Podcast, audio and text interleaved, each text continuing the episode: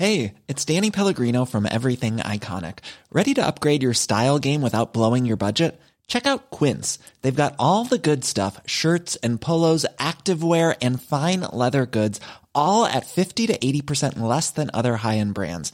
And the best part? They're all about safe, ethical, and responsible manufacturing. Get that luxury vibe without the luxury price tag. Hit up quince.com slash upgrade for free shipping and 365 day returns on your next order. That's quince.com slash upgrade. Hey, it's Ryan Reynolds, and I'm here with Keith, co star of my upcoming film, If, only in theaters, May 17th. Do you want to tell people the big news? All right, I'll do it. Sign up now and you'll get unlimited for $15 a month and six months of Paramount Plus Essential Plan on us. Mintmobile.com slash switch. Upfront payment of $45 equivalent to $15 per month. Unlimited over 40 gigabytes per month. Face lower speeds. Videos at 480p. Active Mint customers by 531.24 get six months of Paramount Plus Essential Plan. Auto renews after six months. Offer ends May 31st, 2024. Separate Paramount Plus registration required. Terms and conditions apply if rated PG. Historia som berättas har satt sina spår Finns ingen skam att känna Men den känns Hej och välkomna till Brottsofferpodden. Mitt namn är Joakim Lindén Kastenbäck. Och mitt namn är Vanessa Delvalle. Brottsofferpodden är en informativ intervjupodd med brottsoffrets perspektiv i fokus.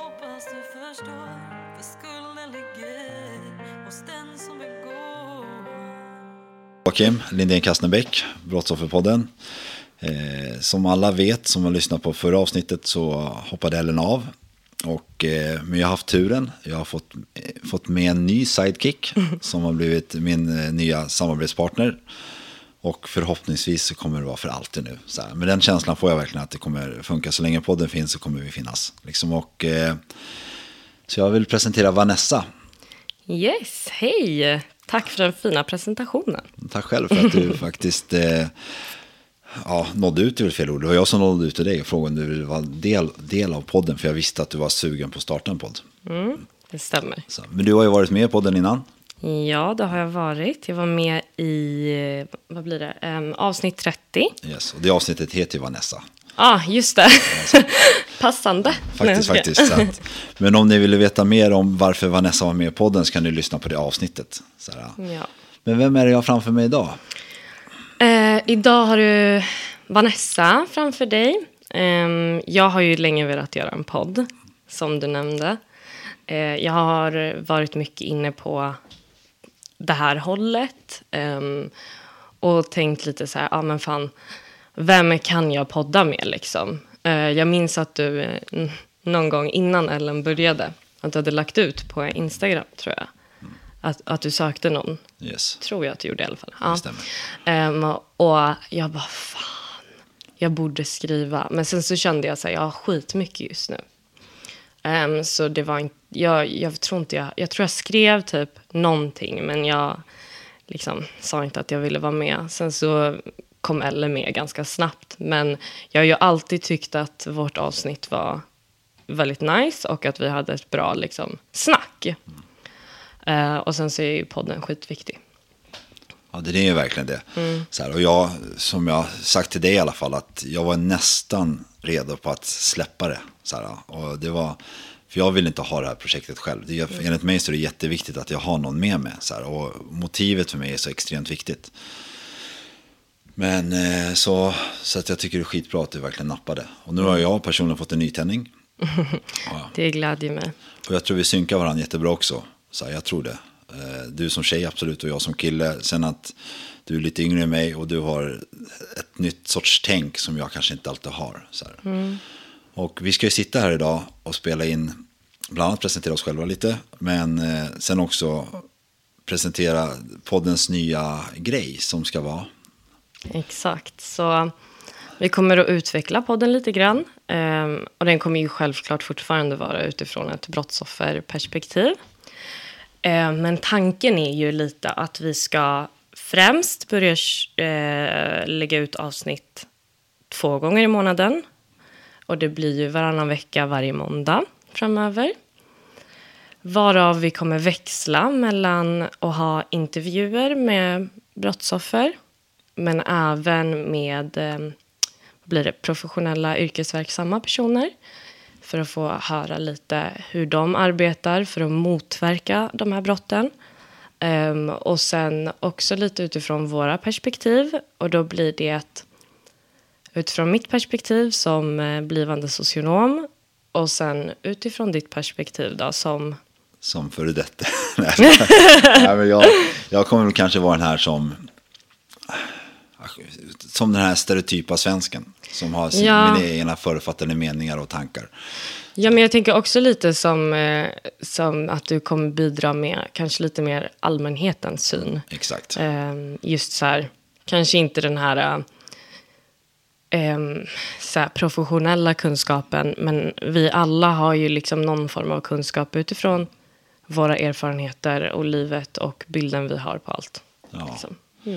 För människor har oftast en övertygelse hur saker är. Här, och jag har ju massa övertygelser, så jag kommer Mm. att komma med dem. Sen får ju du få, få mig kanske ändra. Du kommer ha lite mer faktabaserat. Vi får se, ja. Ehm, så det är väl det tanken är. Och som sagt växelvis. Så eftersom det är två avsnitt i månaden så blir ju... Man kan räkna med en intervju och en där jag och du snackar. Ja, och Mm. ibland bjuder vi in, som du sa, någon så kallad expert eller om vi Exakt. vill veta mer om något ämne, fördjupa oss i. Ja, och då blir det alltså eh, experter på våra avsnitt. Ja, exakt. Mm. Ja, det är skitgrymt och en jätterolig och intressant och nyttig, eh, nyttigt inslag tycker jag till podden. Som, Mm. som är bra. Så här. Tycker jag. Så här. Men Jag eh, pluggar till socionom och jag har sen liten, alltså alltid, det började med att jag ville bli psykolog. Sen eh, ville jag bli kriminolog ehm, och sen valde jag då socionomutbildningen för att det innefattar i princip allt jag brinner för. Ehm, så att det är ju, jag brinner lite för eh, människor i kris.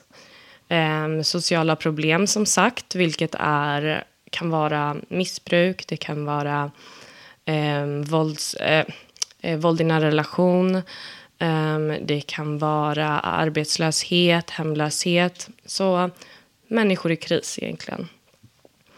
Så det är väl eh, min liksom, utgångspunkt. Men hur ser livet ut annars idag? Utöver, för du, du är en riktig poddnörd, är du inte det? Ja. jag eh, är en riktig poddnörd. Så livet ser ut som så att jag lyssnar på poddar. Punkt. Nej, jag. Ehm, nej, men jag um, pluggar. Det tar väl mesta dels av min tid.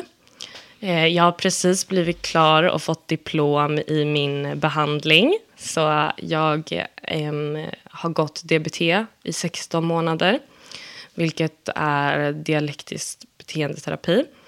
Äm, så det är en väldigt stor behandling, äm, men det har hjälpt mig svinmycket, så jag mår väldigt bra i jämförelse med tidigare. Em, jag jobbar extra på Body Shop. Em, och sen så lever jag samboliv. Det är väl typ det. Och har en liten hund. Ja, en jättesöt liten hund. Men du var med i podden i ett ämne som var Våld i nära. våld i nära relation. Mm. Och det är ett ämne som du betyder, eller som, som du, Ja, det är väl eh, mitt eh, största Eh, ämne som ligger väldigt nära eh, mitt hjärta. Då. Och det är egentligen inte eh, till följd av den relationen som jag pratade om där. Utan jag har alltid brunnit för det. Och det har att göra med att jag är uppväxt i en våldsam kontext. Ehm, min, min mamma har alltid haft våldsamma män. Ehm, och min syster har um, missbrukat. Ehm, och till följd av, jag vet inte, inte till följd av det kanske bara, men också haft eh, våldsamma män. Som jag, jag är en sladdis. så min mamma fick sitt första barn när hon var 16, väldigt tidigt. Och jag kom när hon var 28. Så det är inte sent, men jag varit en sladdis på det sättet. Liksom. Um, så, um, och min syster, som är åtta år yngre, eller äldre än mig, började missbruka när hon var 11. Ehm, så att eh, det har också liksom lett till att jag har varit mycket liksom, medberoende med henne och eh, att jag har fått se mycket våld helt enkelt. jag förstår, i ung ålder också. Det stämmer. Det blev, blev det som att det blev normaliserat eller hur var det för dig när, första gången du kände att hela ditt inre hotades av våld? Alltså jag kan inte säga att jag minns första gången. Ehm, men, eh, men jag har alltid eh, varit rädd. Det är liksom sen jag var liten. Ehm, däremot under så här min, min eh, terapi och min behandling så gick vi lite igenom livet. Ehm, man gör en livslinje och sådär. Eh, och jag kunde inte riktigt connecta med liksom, vem jag var eller de känslorna eller någonting. Jag har ganska lite minnen, men sen så åkte jag till min farmor som är bäst. Hon har massa så här utskrivna bilder, du vet, massa fotoalbum. Så jag snodde några bilder eh, och försökte liksom skriva min livslinje utifrån det. Varav jag kunde se att, ja ah, men shit, för att det är ju min pappa som har varit eh, våldsam. Och ehm, ja, Um, och jag var inte så mycket med honom, men när jag väl var med honom um, så var jag väldigt besatt av honom. Alltså varje bild som var med honom så bara hängde jag på honom som en liten apa. Liksom. Och, jag var, och alla har, när jag har frågat, liksom, för jag frågade också andra, alla beskrivit mig som väldigt Um, typ kär i pappa. Alltså jag älskade honom jättemycket som barn. Och varje gång jag var, jag ville ofta vara med honom. Så um, trots att jag var väldigt rädd för honom. Det var liksom väldigt dubbelt. Um, så. Men jag, jag minns liksom inte första gången. Jag minns bara att jag har varit rädd tills typ efter min behandling nu. Alltså så. Vad skönt. Mm. Nice. Alltså varför tror du att den här DBT-behandlingen funkade så bra?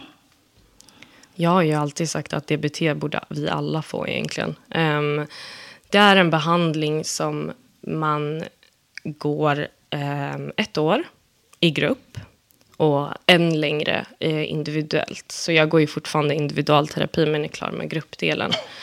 Uh, och det man gör är att man går igenom eh, olika känslor. Man lär sig relationsfärdigheter, hur man ber om saker, vad som är viktigt. Man går igenom så här, vad är självrespekt för mig. Ehm, tidigare till exempel så var ju självrespekt till exempel att så här, ja, men jag skriker, jag säger ifrån, jag kanske slåss, alltså tillbaka. Idag är det inte självrespekt för mig. Självrespekt för mig är att känna så här, efter att jag till exempel har sagt nej, att jag fortfarande kan vara stolt över mig själv för att jag har sagt det på ett bra sätt. Och för att jag har lyckats uttrycka mig. Liksom. Um, och att skrika och, och slåss liksom inte är självrespekt för att där, efter jag har gjort det, även om jag kanske har fått till det jag vill, så får jag ju ångest för att jag har betett mig dåligt. Liksom. Så man lär sig mycket om hur man ska uttrycka sig rätt, eh, medveten närvaro är också en jätteviktig del som man går igenom mellan varje, eh, mellan varje liksom, eh, man har som olika teman. Så mellan varje tema så går man även, även igenom medveten närvaro, vilket är, jag också tycker så alla borde lära sig sen i skolan typ, för att det verkligen kan ge en, liksom en, en liten paus från allt. Um, så det är väldigt så här, grundläggande saker. Um, validering, till exempel. Självvalidering. Alltså, jag har ju aldrig blivit validerad, så jag har jättesvårt att validera andra också. Um, vilket jag har lärt mig. Liksom. För de som inte förstår, vad betyder validering? Um, validering kan betyda uh, mycket olika saker egentligen och olika för olika personer. Men uh, att lära sig att validera någon annan kan vara genom att um, um, till exempel om du ser någon vara ledsen, gå fram till personen, lägga en axel, eller lägga handen på axeln. Uh, om du ser att någon fryser, ge ett täcke. det är väldigt så basic exempel. Men eh, kanske uppmärksamma. Uppmärksamma, exakt. Ja. Mm. Och gehör, heter det gehör? Gehör? Nej, inte gehör, men kanske lyhörd. Lyhörd, ja. ja. Ja, grymt. Alltså jag tycker, nu har vi träffats ett par gånger via mm. den här podden, men jag tycker verkligen att jag kan se skillnad på dig energimässigt framför allt. Mm, Sen när du var med i podden. Tack. Du har en mycket lugnare energi idag. Tycker ja. jag. Det är helt sjukt. Alltså, jag har gått den här behandlingen 16 månader och jag är alltså, en helt annan människa. Men som sagt, jag har sagt det att jag har ju haft turen att gå den här behandlingen och jag hade önskat att många fler fick den faktiskt. Schysst. Schysst. Och Jag tror att det här är verkligen superbra. Och när det kommer till eh, det här ämnet våld i nära relation, som bland annat var då med i podden, har jättestor erfarenhet. Och dina erfarenheter kring att gå den här DBT-utbildningen och din skolgång som socionom kommer, det kommer vara som klippt och skuren för det här. Jag hoppas det. Så jag ser fram emot, eh, ja, ser fram emot framtiden. Jag med. Men jag tänker att eh, vi byter fokus. Eller? Vad menas med det? Att vi pratar om dig. Ja, Äntligen. Äntligen, det är faktiskt mitt favoritämne. Nej, men det, jag försöker att... Ja, men det kan vi absolut göra, Vanessa. Så här, Även fast jag, sen jag startade på den har försökt ha haft lite låg profil. Ja, nej, men vi pratade ju lite om det och jag var så här, jag tror att lyssnarna faktiskt vill veta vem du är. Och att jag ändå har märkt att du håller i ganska opersonlig just utifrån dig då. Väldigt personligt för offren såklart, brottsoffren, men för dig. Så jag tänker, vi kan väl börja lite från start. Eh, vart är du uppväxt? Oj, alltså jag har ju gått i 14 olika skolor. Så Oj. att jag brukar säga att jag är från Sverige. Jag säga. Det är, allt mellan Uppsala och Skåne är jag uppväxt. Oj, Så så, jag- långt också. Ja, verkligen. Och Flera ställen i Skåne också. Ja, vissa kanske kallar det maskrosbarn. Jag vet inte, jag brukar säga att jag är en ros. För rosor kan också växa var som helst. Ja, Så. kanske magnolia, det är min favorit. Ja, det är sant. Kanske, kanske. kanske. De växer i mörkret. Nu är det. Ja, Mm. det. ja, jag blir trött i mörkret tror jag. Nej, men ja. Ehm, så om vi tänker, du har flyttat runt. Hur kommer det sig att du har flyttat runt så mycket? Ja, min kära mor, här, eh, min kära mor höll på med droger. Eftersom jag själv jobbat mycket med mitt före detta missbruk så har jag lärt mig att det kallas geografiska flyttar.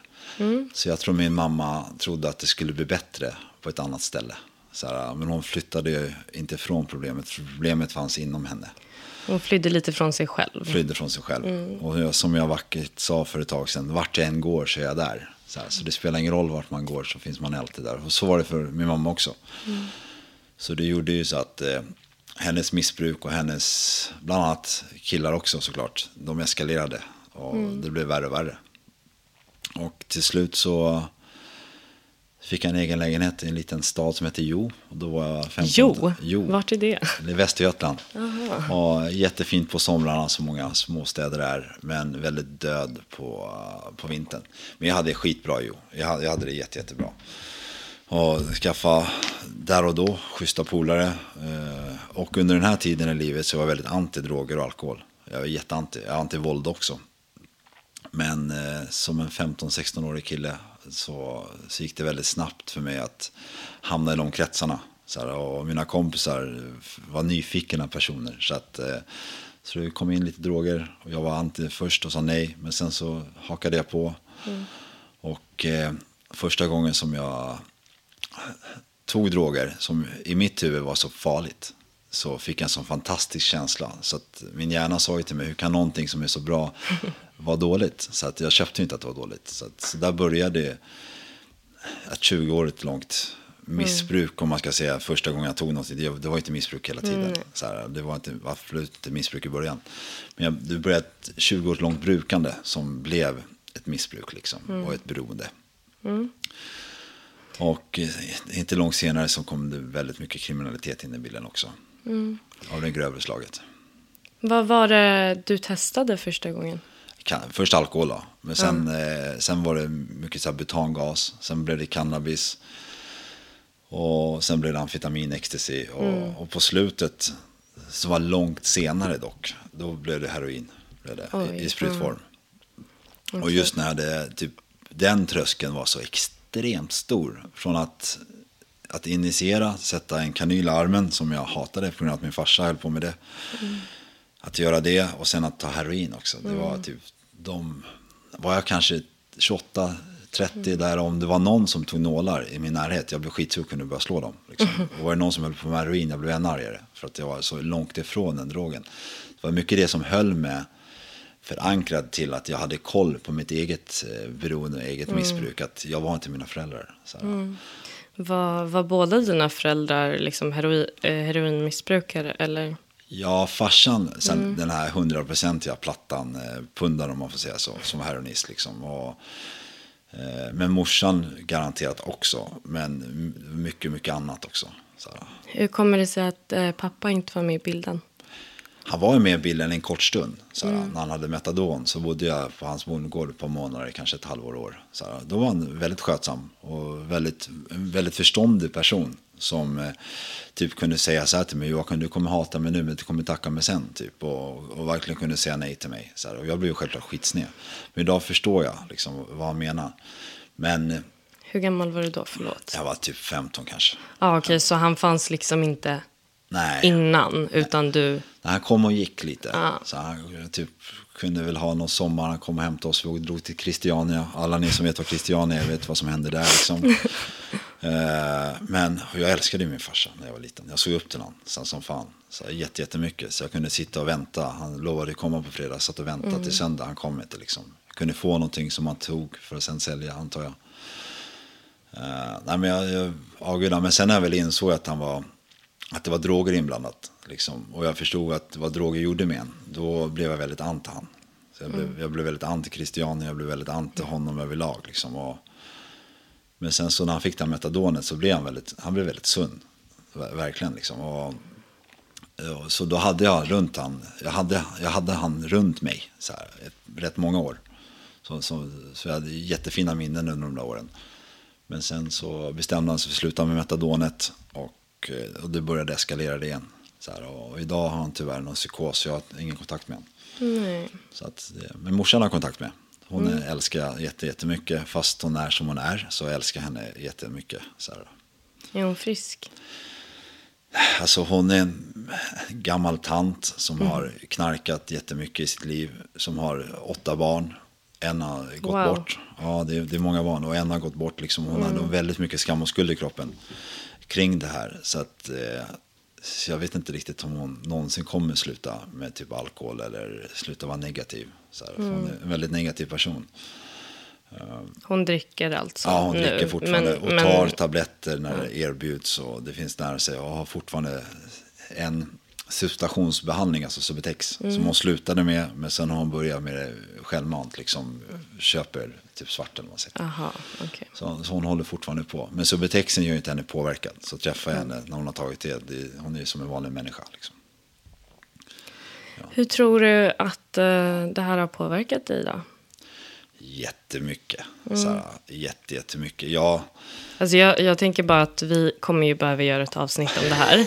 det, Ehm, men eftersom vi har så mycket att gå igenom idag. Så, eh, men vi kommer definitivt göra ett avsnitt om det. För du har ju så mycket att berätta. Om, alltså, du har ju en riktig ja, tragisk historia. Men du är ju starkare än någonsin idag. Ja, idag, idag mår jag jättebra. Så jävla grymt. Tack så mycket. Tack Väldigt så mycket. stolt.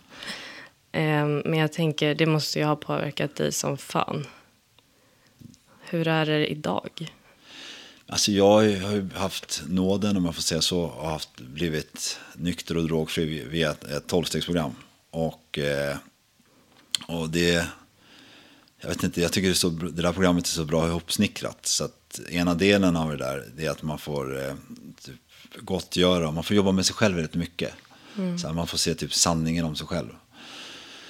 Och när jag väl gjorde det så insåg jag att jag var en väldigt rädslostyrd person. Som var väldigt ledsen för jätte, jättemycket saker som hade gjort att jag agerade utåt. Jag blev utåtagerande liksom. Och, eh, eh, Eh, och även det här med min mamma. Fick jag, jag fick en chans att gottgöra henne för det jag hade gjort, gjort fel. Och det gjorde så att det hatet jag kände mot henne blev kärlek istället. Så här, och, eh, men jag kan tydligt se att jag, jag, jag, jag, när jag föddes så blev jag ett vuxet barn. Så jag, jag, jag fick inte den här kärleken, jag fick en brusten anknytning. Och det gjorde så att jag blev väldigt snabbt medberoende. Och sen så blev det subst, substansberoende. Liksom. Men det är, så- det är ju så invecklade ord kanske för folk som inte förstår. Så det kan vi kanske prata mer om också. Självklart. Så. Men idag är jag, jag, jag är väldigt lycklig idag. Jag är jättelycklig. Och jag är tacksam också för allting som hänt. Liksom. Jag är tacksam för bägge mina föräldrar. Liksom. De har också varit jättesjuka, eller är jättesjuka. Liksom. Jag tänker lite på att du pratade om kriminalitet. Du gör ju en podd för brottsoffer. Ja, det är den. Det är den. Har du tänkt lite på de som du har utsatt för brott? Jättemycket. Så här, Det är jätte, jättemycket. Så här, och, eh, jag fick ju ofta höra att jag var så jävla duktig som fixade till mitt liv. Så här, skaffade min lägenhet, fick tillbaka mitt körkort. Liksom. Men så fort jag fick höra det där så var det väldigt ofta jag tänkte på de här människorna jag hade skadat. Vissa, de flesta av människorna, nej jag överdriver nu, många av människorna har jag gott gjort. Här, eller försökt gott göra. Liksom, vissa människorna har ingen möjlighet till för jag vet inte var de är eller var de befinner sig. Eller hur jag går tillväga för att få tag i dem. Så här, men eh, så indirekt så blev den här podden något sätt att jag kanske kan göra nytta liksom. På det sättet istället. Känner du fortfarande skuld över saker?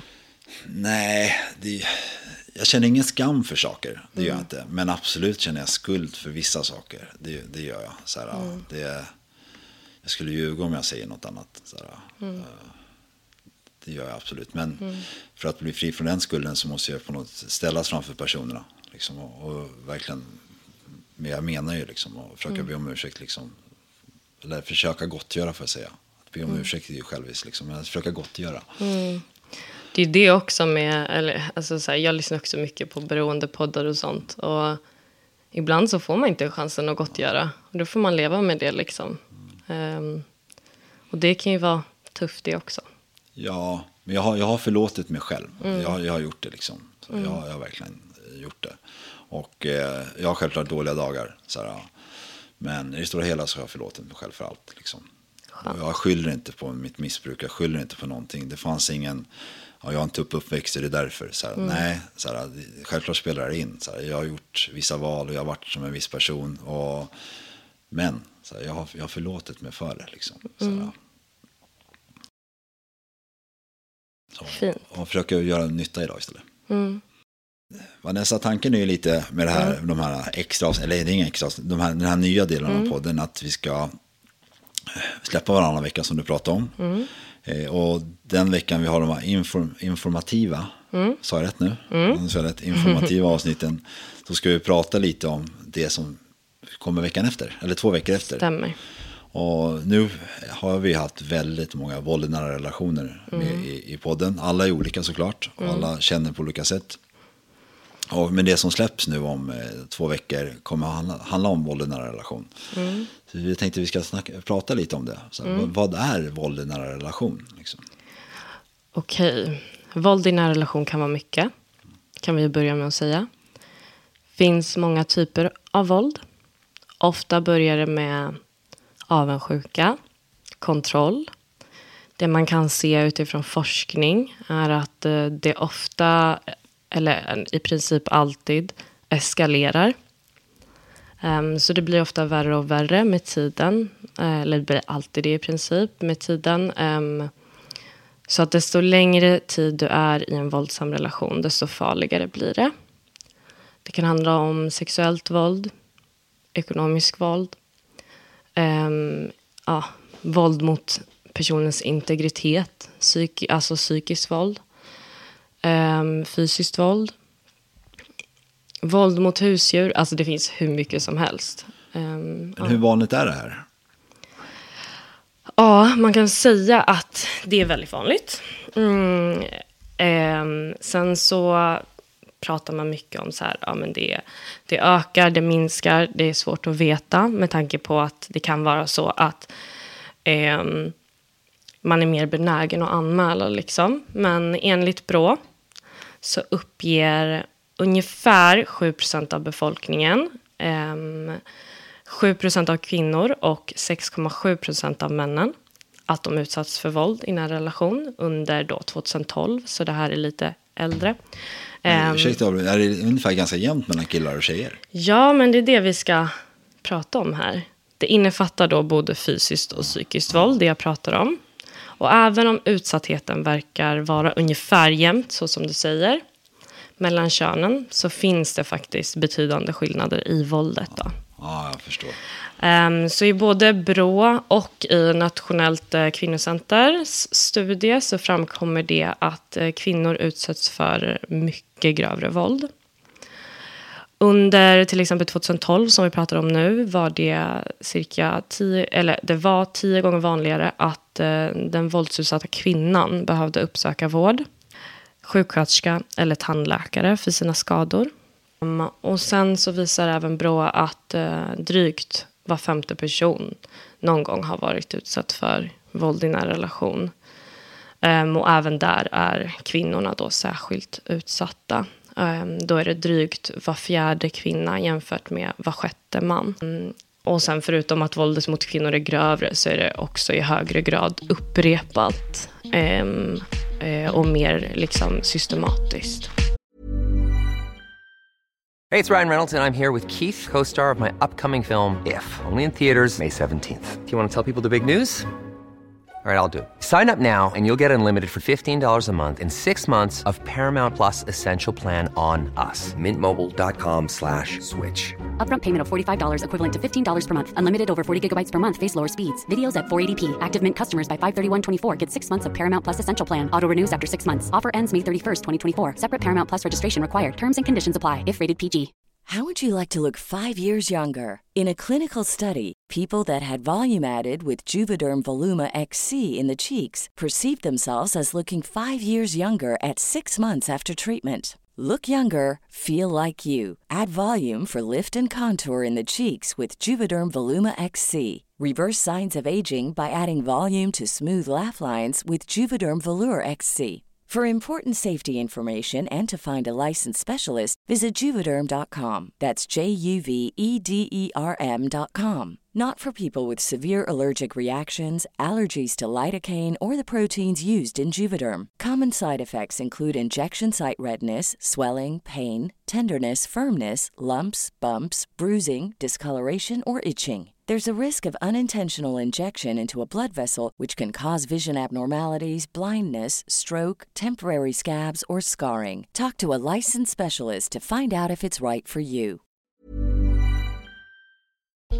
Alltså, det blir ungefär alltså att anledningen varför killen han säger att han har varit med om våld i nära relation, det är att tjejen kanske skriker tillbaks. Och Kan vara- han slår, typ. Kan vara så, kan också, vi ska inte förminska det, liksom våldet mot män. Det kan också vara så att det har varit fysiskt. Men det man kan se, eller det man kan, slutsatsen man kan dra är ju att män är starkare, rent fysiskt större. Ehm, och att det är mer upprepat. Ehm, och att det är i princip aldrig en kvinna som mördar en man. Utan det är oftast mannen som, det blir oftast dödligt våld vad gäller mannen mot kvinnan. Så det är ju mycket allvarligare. Det är dessutom vanligare, alltså i mycket hög utsträckning, att kvinnorna utsätts för sexuellt våld också. Så, och där kan man ju se att var femte kvinna och var tjugonde man har blivit utsatt för sexuellt våld. Ja, det, är, det är extremt mycket alltså. Jag var i en relation som sagt var, eh, och där var jag den som blev utsatt fysiskt. Men jag var jätteverbal tillbaka. Så här, Jag var jätte, jätteverbal. Det var mitt sätt att... Ja, shit alltså.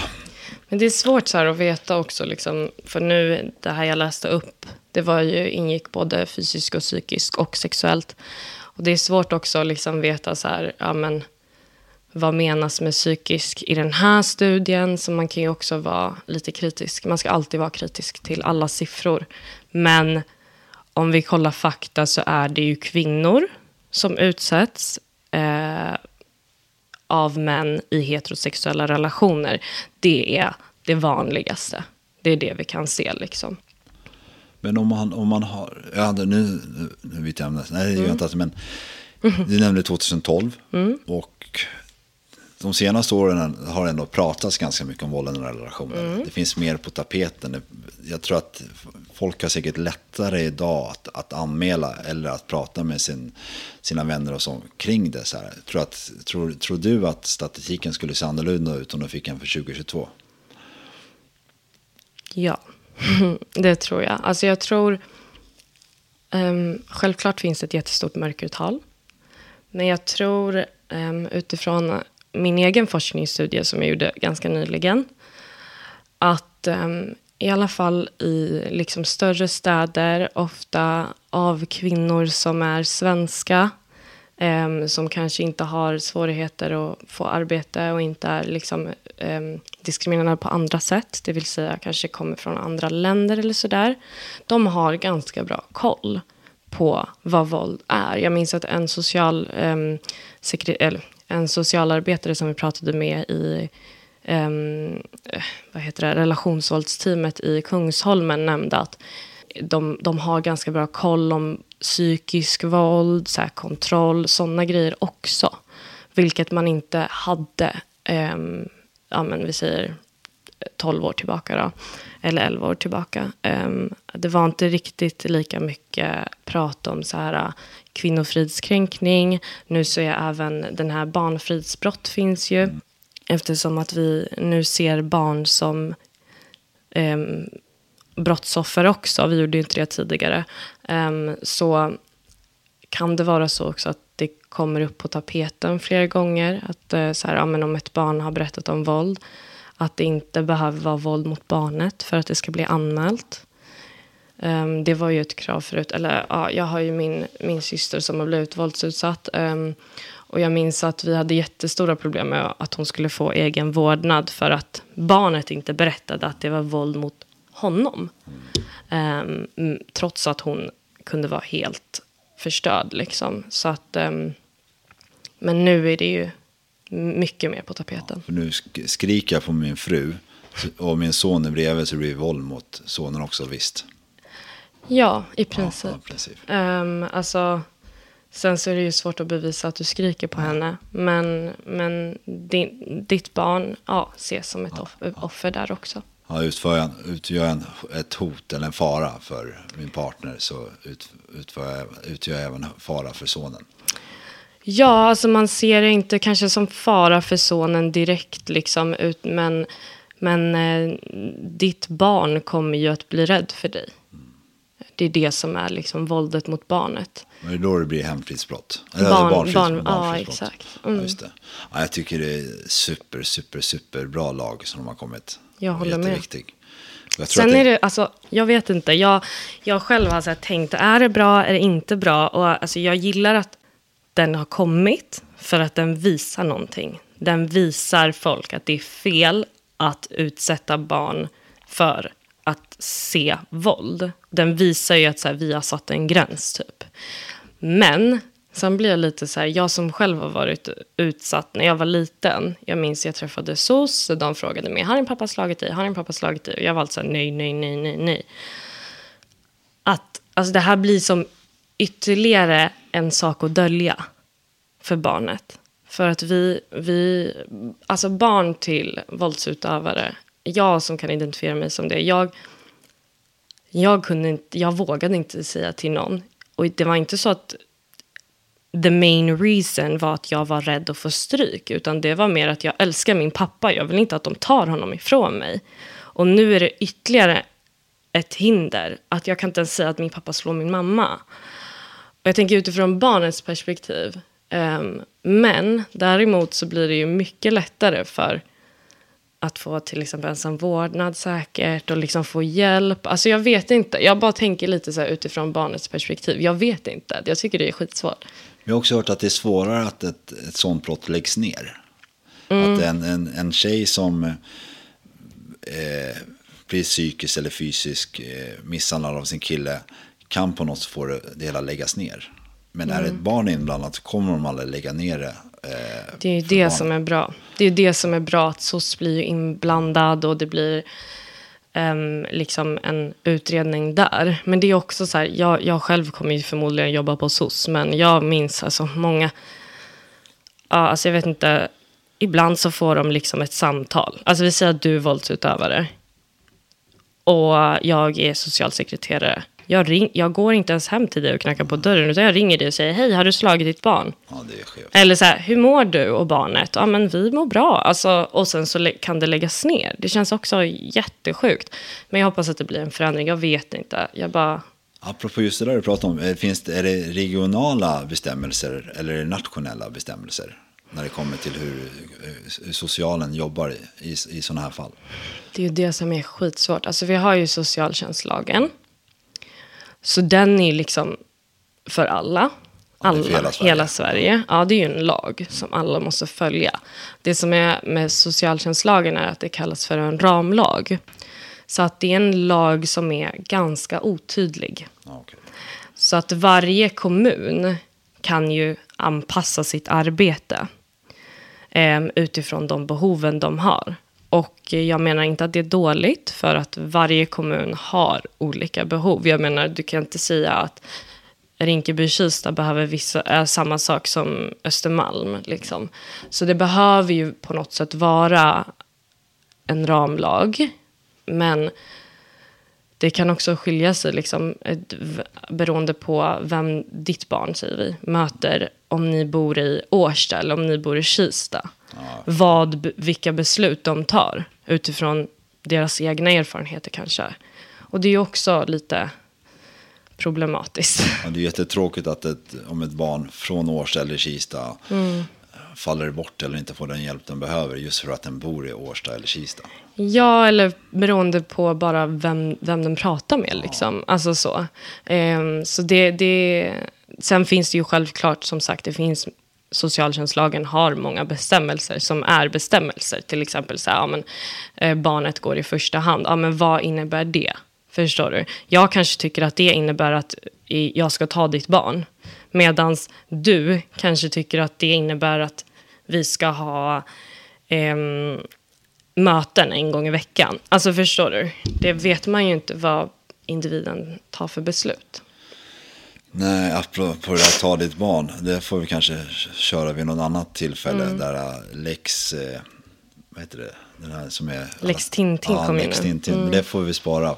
Mm, ja, verkligen. kanske får bli en, en, en ja, bara syssla, för det är jätte, jätteintressant och jättesorgligt. Ja, men jag tänkte lite bara köra lite statistik nu när vi ändå pratade om i år. Vi har lite statistik från 2020 från Brå. Så 36 300 anmälda misshandelsbrott mot person 18 år eller äldre. Där gärningspersonen varit bekant med offret.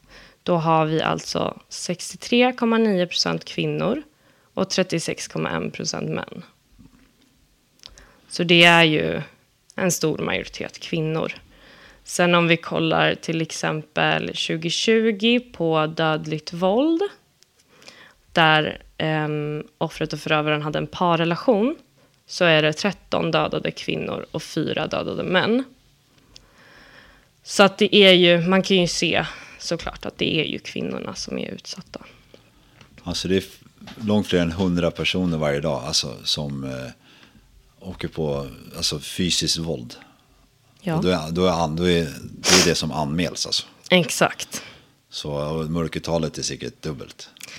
Ja, eller mer. Är alltså helt ärligt. Jag, jag, jag, eh, det skulle inte chocka mig. Så. Ja, sen var min erfarenhet av gjort den här podden också, det är ju att det psykiska våldet som har säkert pågått mycket längre innan det fysiska kommer, i det det värsta. Så här, Det är ju det. Alltså jag, håller, jag hörde att du pratat om det någon gång och jag håller verkligen med. Att det är det. Det är det som man um, behöver jobba med längst. Um, sen beror det lite på. Alltså, oftast när man får PTSD så hör det ihop med att rädslan att dö. Faktiskt. Så därför är det många som typ så här, i sexualbrott, våld i nära relation. Så här, om du till exempel har fått en örfil och får det var och varannan dag så kanske inte det leder till eh, eh, att du liksom får PTSD av just det. Men rädslan som du ständigt går med är ju den du får PTSD av. ja, Um, så det är ju det att man ständigt går runt med en rädsla, en oro, förvirring. Alltså, jag har ju varit så himla förvirrad också. Så här. Är det rätt? Är det fel? Va, vem är jag? Va, va, vart sätter jag en gräns? Liksom? Man förstår inte. Alltså, det psykiska våldet kan man inte på samma sätt läsa av vad som är okej och inte. Som om man liksom... Jag kände ofta att så här, ja, men det här kändes inte bra. Men sen så kanske personen i fråga kommer och gråter och ber om ursäkt och allting. Och det man säger, ja men det var väl inte så mycket liksom. Om man bara trycker ner allting. Ehm, och kommer man ur relationen sen så har man helt fuckade alltså helt förstörd självkänsla och självförtroende och fattar ingenting typ.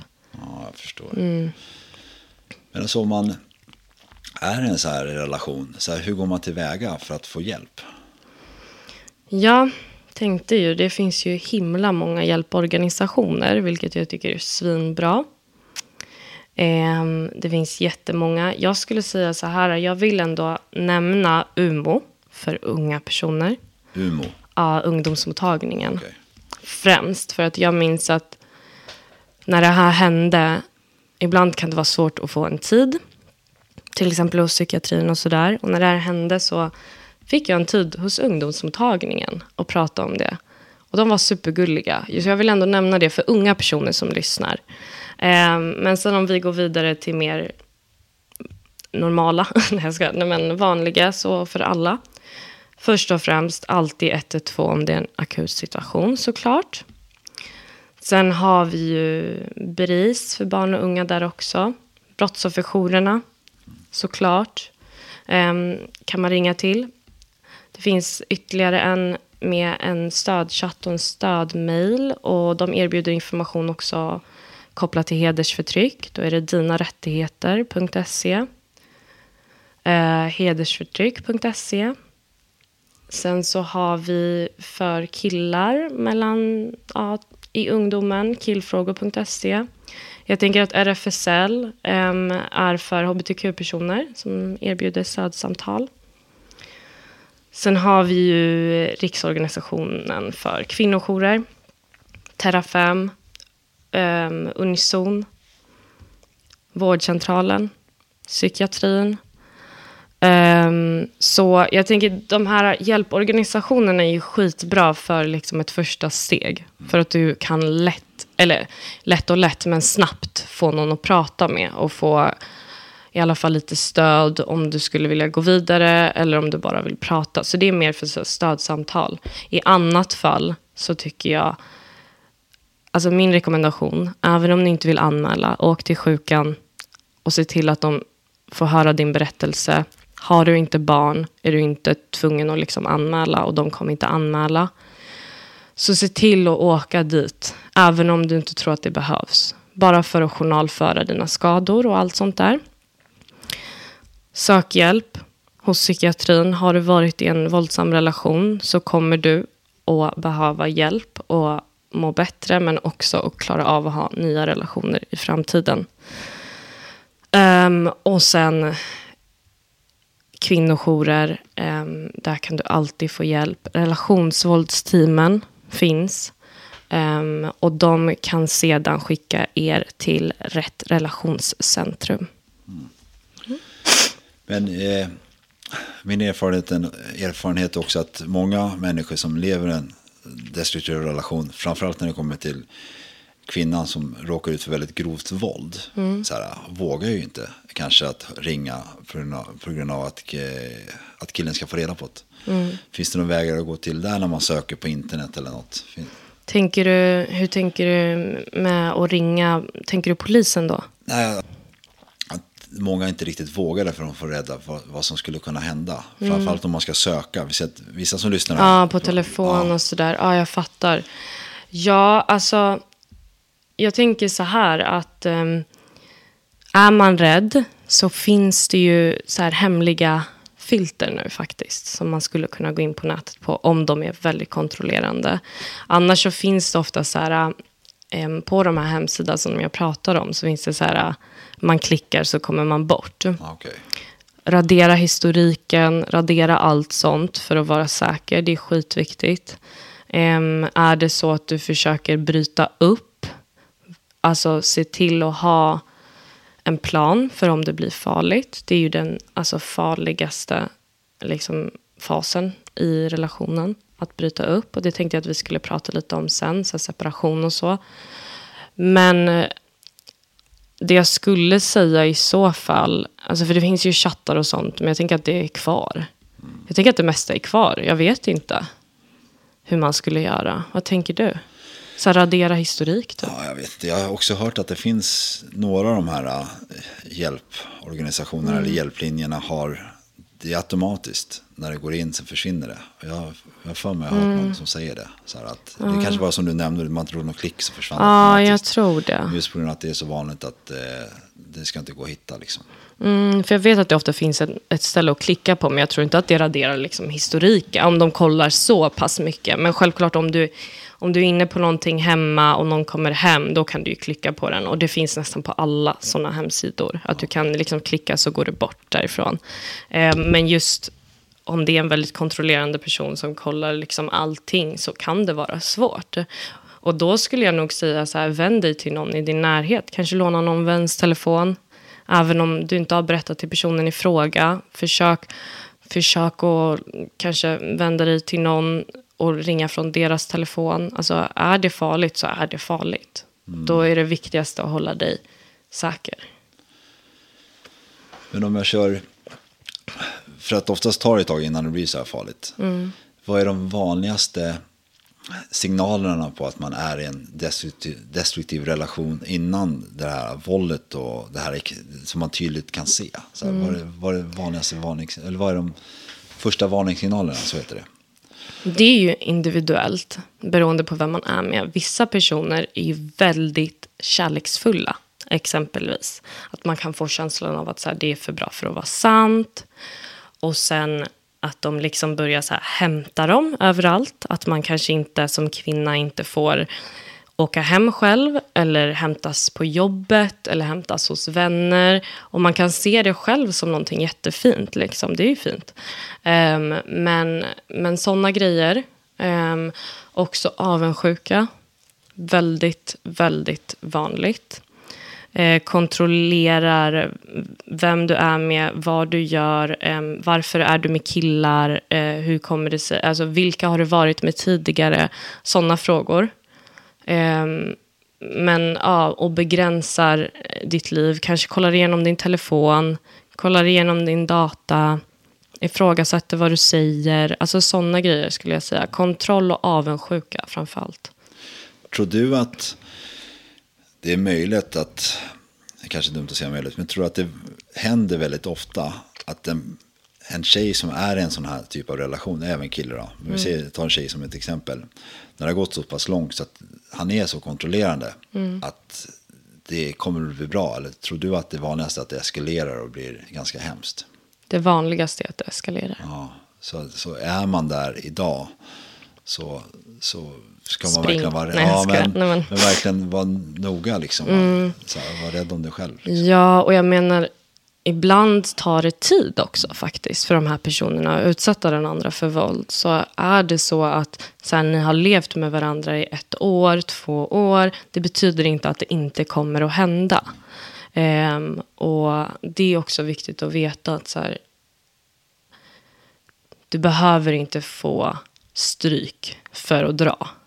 Jag minns att jag själv var så här, ja men slå han mig, då kommer jag göra slut, typ. Som om det är så här, fan vad låga, alltså nu när jag tänker efter, shit vad låga, liksom. Jaha, så jag ska leva i att någon kallar mig hora var, var och varannan dag. Liksom. Jag ska leva i att eh, personen i fråga kollar igenom alla mina bilder, kollar min lur när jag sover. Alltså du vet, jag ska leva med det, men slår han mig, då är det, alltså det är, det är också lite, men man blir ju också skev. Ja, jag vet. Mm. Jag vet. Jag vet. Ja, men om du lyssnar och du är i en väldigt kontrollerande eh, miljö. Mm. Så du kommer troligtvis inte bli bättre. Så, nej, nej. Jag tror också att en person ändrar sig enbart när man gjort en personlig förändring inom sig. Inte genom att säga, nej men jag lovar jag ska bli bättre. Man behöver verkligen jobba. Det vill jag också säga nu, bara kom och tänka på det. Det här med jag lovar jag ska bli bättre. Skriv ner. Alltså jag minns efter ett tag började jag skriva ner. Jag började spela in mina samtal för jag började bli orolig. Det är lite tips.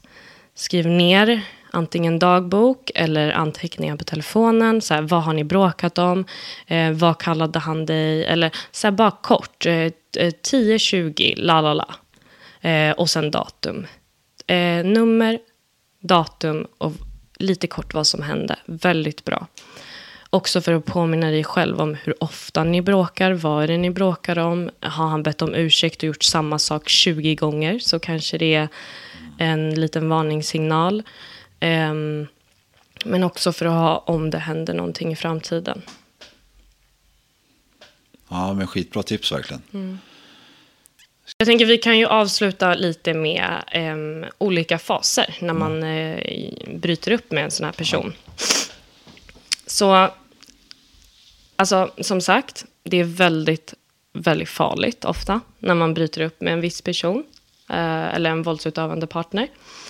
Och em, man har beskrivit det lite som tre faser. Så jag tänkte vi ska gå igenom det. Mm, intressant. Ja. Första fasen då, att bryta upp, finns ofta en vändpunkt. Antingen någonting som sammanfaller med ett visst brott som man känner sig, men det här är droppen, um, vilket jag verkligen kunde relatera till. Um, så det är första, liksom, att man bryter upp. Den andra, att bli fri. Det handlar då om frigörelsen från de känslomässiga banden till våldsutövaren.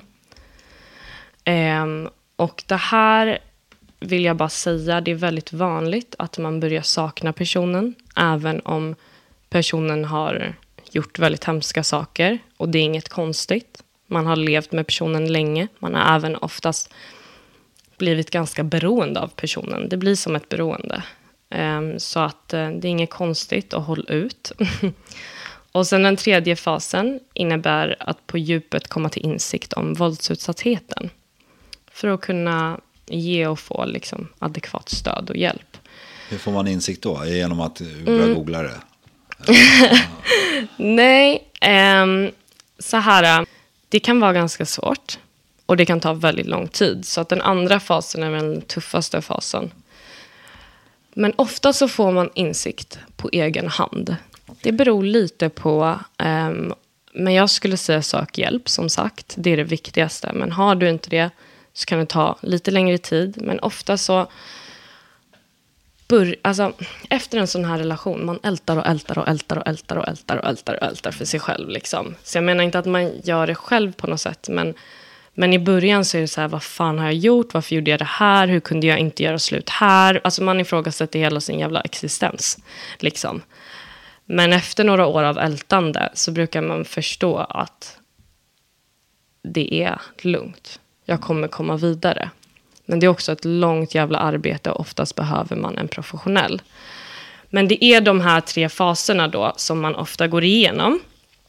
Och ehm, just för att bara lite snabbt också prata om om det är så att man har barn i familjen. Ehm, så är det viktigt att ehm, försöka att hela tiden få stöd av ytterligare en vuxen person. Ehm, barnet kan ofta känna en typ av lojalitetskonflikt eh, i förhållande till föräldrarna. Mm, så ibland kanske barnet blir elakt mot ehm, offret. Alltså den här kvinnliga partnern till exempel. Och att det är ganska vanligt för att de förstår inte riktigt vad det är som händer. Kanske saknar sin andra förälder. Ehm, och sen också det här med eftervåldet då. Att de kan hålla på med vårdnadsprocesser hur länge som helst och allt det där. Det är jävligt svårt att gå vidare om man fortfarande har kontakt med den här våldsutövande personen. Och eh, som systemet ser ut just nu så kan man hålla på hur länge som helst. Ja. ja, jag har verkligen hört det. Mm. Eh, men det jag vill säga i alla fall, det är att kvinnor riskerar ofta att utsättas för mer och mycket kraftigare våld i samband med en separation. Och när det gäller dödligt våld framgår att separation ofta är motivet, eller en del av motivet av gärningen. Eh, och en separation kan också utlösa våld som inte tidigare har förekommit i relationen. Och hot och våld kan också utövas i situationer som rör det gemensamma föräldraskapet, till exempel i samband med hämtning, lämning av barnet. Och att ha tillgång till barnet kan vara ett sätt för den våldsutövande föräldern att fortsätta ha kontroll över sin partner. Även om det fysiska våldet eh, i efterhand upphör kan även hoten pågå under en väldigt lång tid. Jag minns att min mamma gjorde slut med min pappa när jag var två. Han snodde ofta mitt pass. Så fick min pappa som, är vålds, som var våldsutövare över min, över min mamma och min, eh, mina andra systrar. Främst min mamma då. Och de hade även larm i huset. Um, och de hade polis på plats um, flera gånger. Och uh, så här direkt larm liksom, till polisen i hemmet och skyddat och allt vad det är. Trots det så fick jag vara med min pappa för att de hade delad vårdnad. Och han hade snott mitt pass då, så de inte kunde resa. Ja, det brister lite i... Mm. Så att du kommer göra nytta där sen Vanessa. Jag hoppas det. Eh, Jag hoppas det blir en ganska stor förändring faktiskt. Tycker du att vi har missat något? Nej, jag tror inte det. Mm. Kan vem som helst fastna i en dest- destruktiv relation?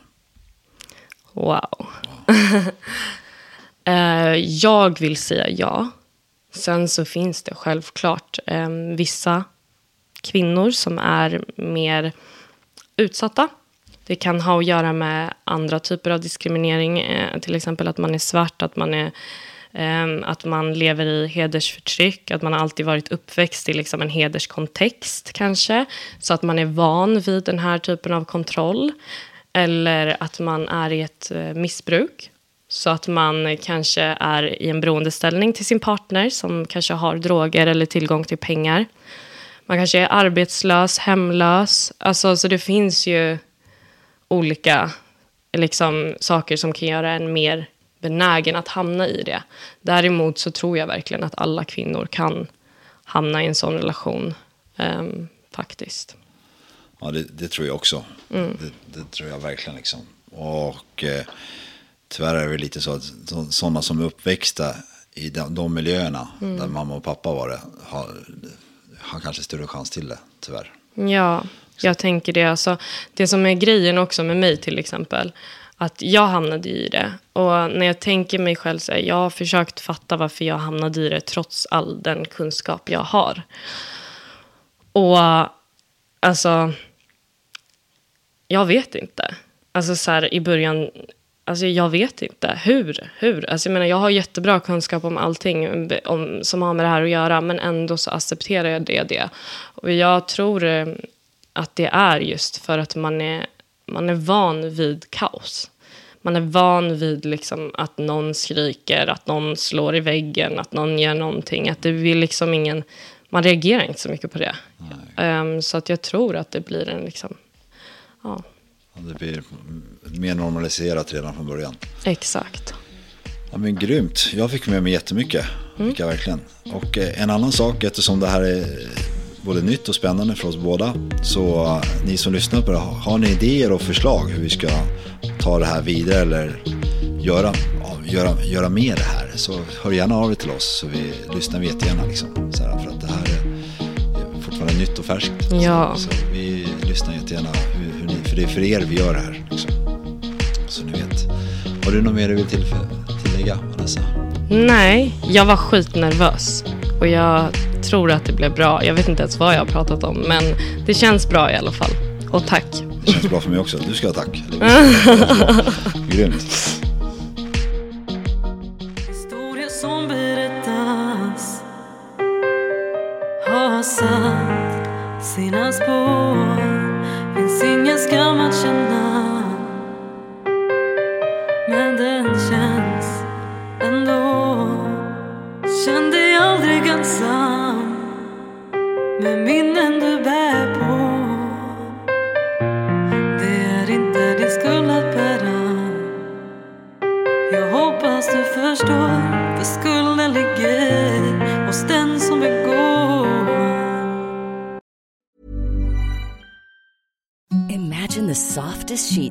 Ever felt. Now imagine them getting even softer over time. That's what you'll feel with Bowl and Branch's organic cotton sheets. In a recent customer survey, 96% replied that Bowl and Branch sheets get softer with every wash. Start getting your best night's sleep in these sheets that get softer and softer for years to come. Try their sheets with a 30-night guarantee. Plus, get 15% off your first order at bowlandbranch.com. Code BUTTERY. Exclusions apply. See site for details.